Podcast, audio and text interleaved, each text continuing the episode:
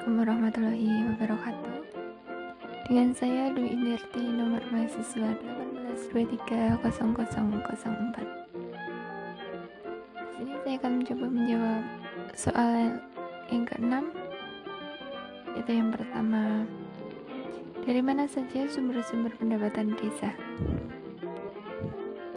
Menurut Undang-Undang nomor 6 tahun 2014 sumber dana desa terdapat. Yang pertama yaitu pendapatan asli desa meliputi hasil usaha, hasil aset, swadaya dan partisipasi, gotong royong, dan lain-lain pendapatan asli desa. Sumber yang kedua yaitu dari alokasi APBD, APBN atau dana desa. Sumber yang ketiga yaitu bagian dari pajak daerah atau retribusi daerah. Yang keempat, alokasi dana desa yaitu bagian dana perimbangan yang diterima kabupaten atau kota di luar DAK atau DAU dan DBH sebesar 10%.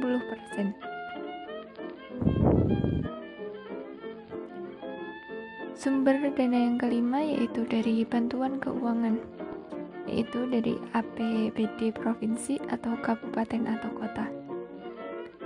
Sumber dana yang keenam yaitu hibah dan sumbangan, yaitu yang tidak mengikat dana yang tidak mengikat dari pihak ketiga. Dan sumber dana yang terakhir yaitu lain-lain meliputi pendapatan desa yang sah. Selanjutnya yaitu format struktur APB desa.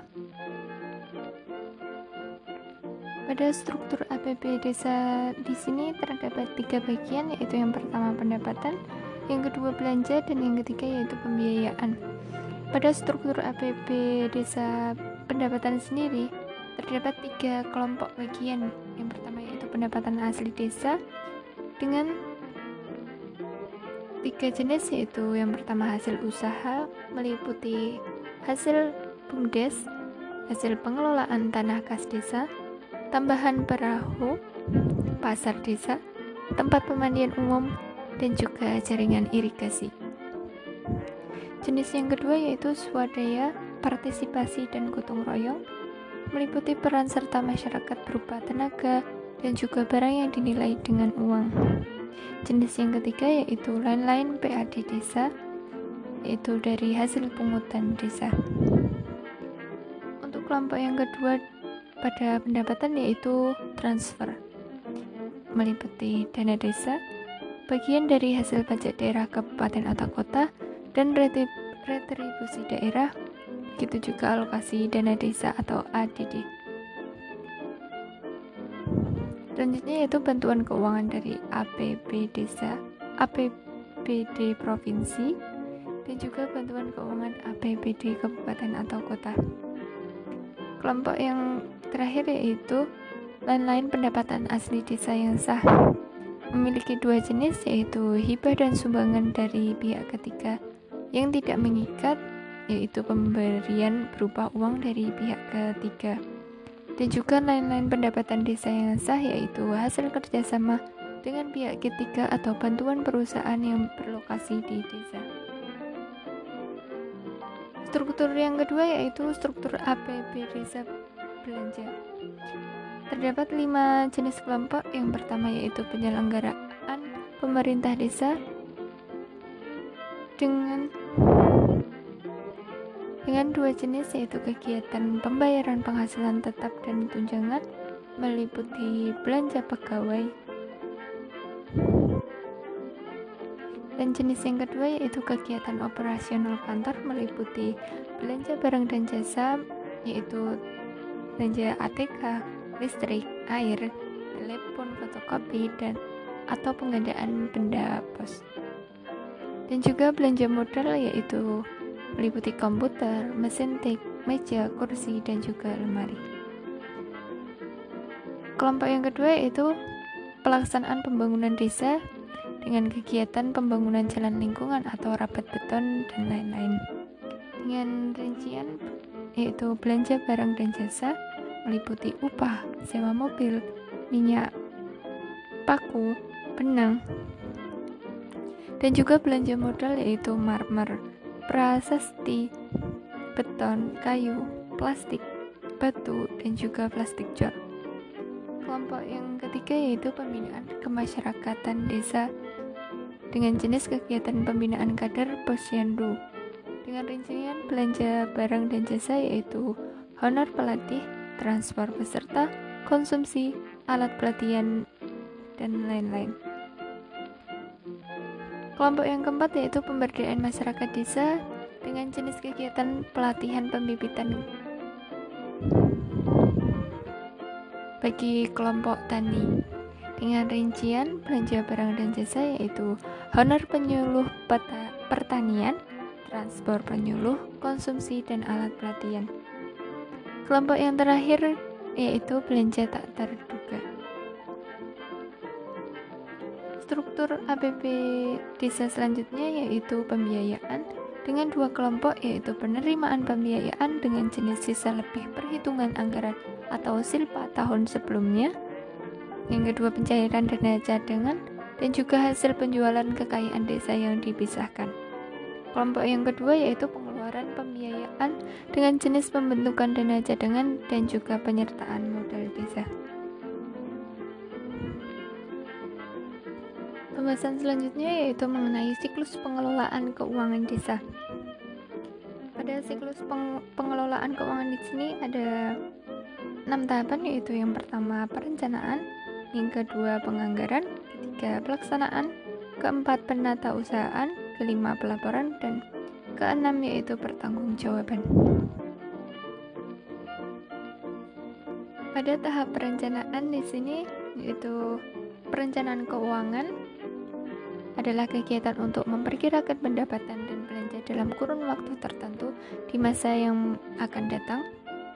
Dan juga perencanaan keuangan desa dilakukan setelah tersusunnya RPJM desa dan RKB desa. Begitu juga perencanaan APB desa yang merupakan hasil dari perencanaan keuangan desa. Pada tahap pelaksanaan yaitu meliputi penyusunan RAP, pengadaan barang dan jasa, pengadaan pengajuan SPP, pembayaran, pengerjaan buku kas pembantu kegiatan. Pada tahap penyusunan RAP sendiri, harus dipastikan tersedia data tentang standar harga barang dan jasa yang dibutuhkan dalam pelaksanaan kegiatan pembangunan dan juga pelaksanaan kegiatan pelaksana kegiatan atau kepala seksi menyiapkan RAP untuk semua rencana kegiatan. Dilanjutkan sekretaris desa memverifikasi RAP yang dimaksud. Dilanjutkan kepala seksi mengajukan RAP yang sudah diverifikasi kepada kepala desa dan yang terakhir yaitu kepala desa menyetujui dan mengesahkan RAP. Pada tahap pengadaan barang dan jasa, Kepala seksi memproses atau memfasilitasi pengadaan barang dan jasa guna menyediakan barang atau jasa sesuai kebutuhan suatu kegiatan yang akan dikerjakan, baik yang dilakukan secara swakelola maupun oleh pihak ketiga. Pada tahap pengajuan SPP, Kepala Seksi ke, sebagai koordinator pelaksana kegiatan mengajukan surat permintaan pembayaran atau SPP prosedur dan tata cara berdasarkan RAP tersebut pelaksanaan kegiatan membuat surat permintaan pembayaran SPP kepada kepala desa dilengkapi dengan pernyataan tanggung jawab belanja dan bukti transaksi.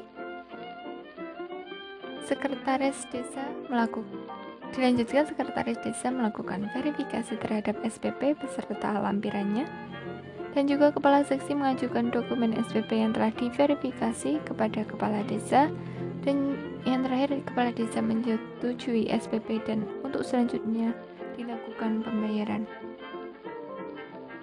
Pada tahap pembayaran, kepala seksi menyerahkan dokumen SPP yang telah disetujui atau disahkan kepala desa kepada bendahara melakukan pembayaran sesuai SPP dan bendahara melakukan pencatatan atas pengeluaran yang terjadi.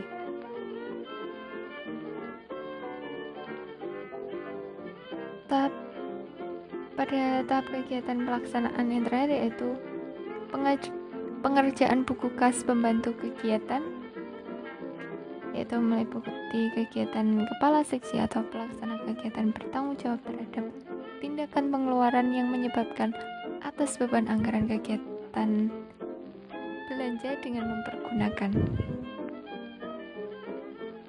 dan juga buku kas pembantu kegiatan sebagai pertanggungjawaban pelaksana kegiatan di desa.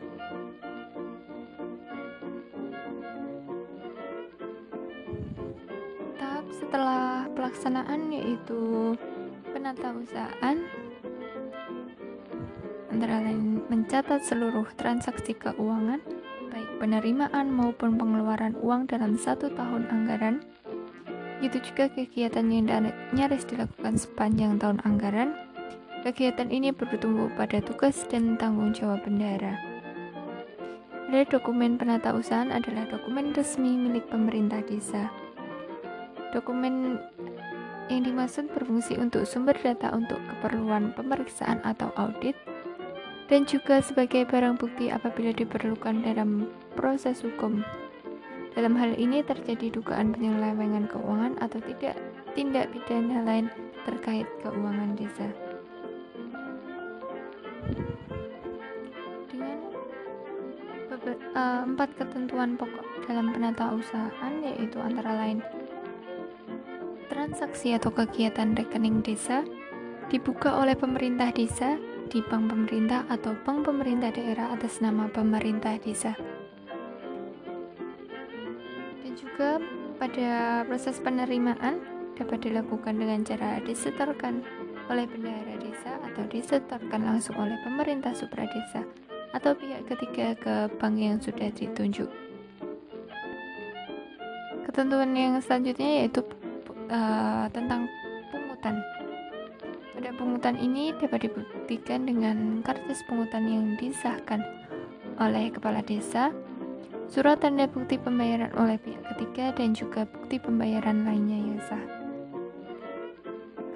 Ketentuan pokok yang lainnya yaitu pengeluaran meliputi dokumen penata usahaan pengeluaran harus disesuaikan dengan peraturan desa tentang APB desa atau peraturan desa tentang perubahan APB desa.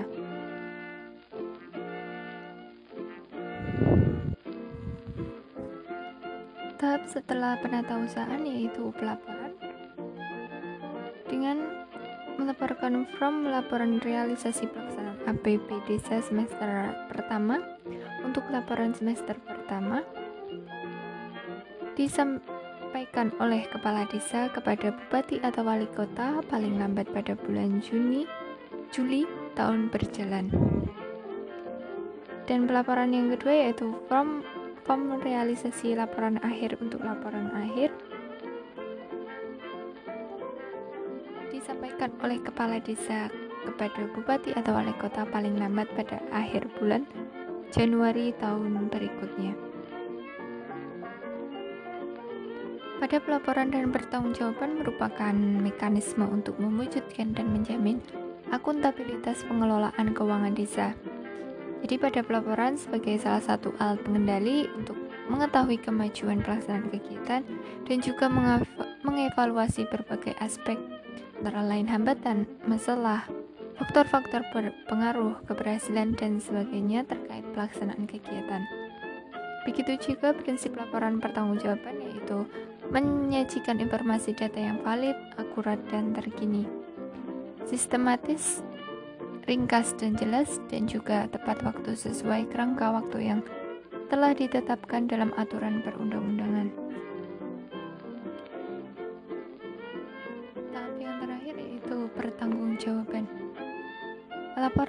Pertanggungjawaban atau laporan realisasi pelaksanaan APB desa yang disampaikan oleh kepala desa kepada bupati atau wali kota setelah tahun anggaran berakhir yaitu pada 31 Desember setiap tahun dan juga laporan pertanggungjawaban harus dilakukan oleh kepala desa paling lambat pada akhir bulan Januari tahun berikutnya.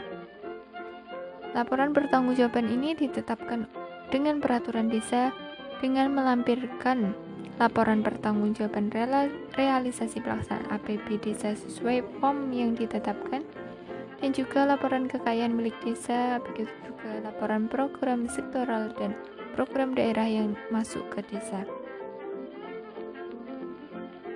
Pada laporan pertanggungjawaban kepada desa yaitu disampaikan melalui musyawarah desa sebagai forum untuk membahas hal-hal strategis yang dihadiri BPD dan unsur-unsur masyarakat lainnya begitu juga disebarluaskan melalui berbagai sarana komunikasi dan informasi, papan informasi desa, website resmi pemerintah kabupaten atau bahkan desa. Demikian dari saya. Wassalamualaikum warahmatullahi wabarakatuh.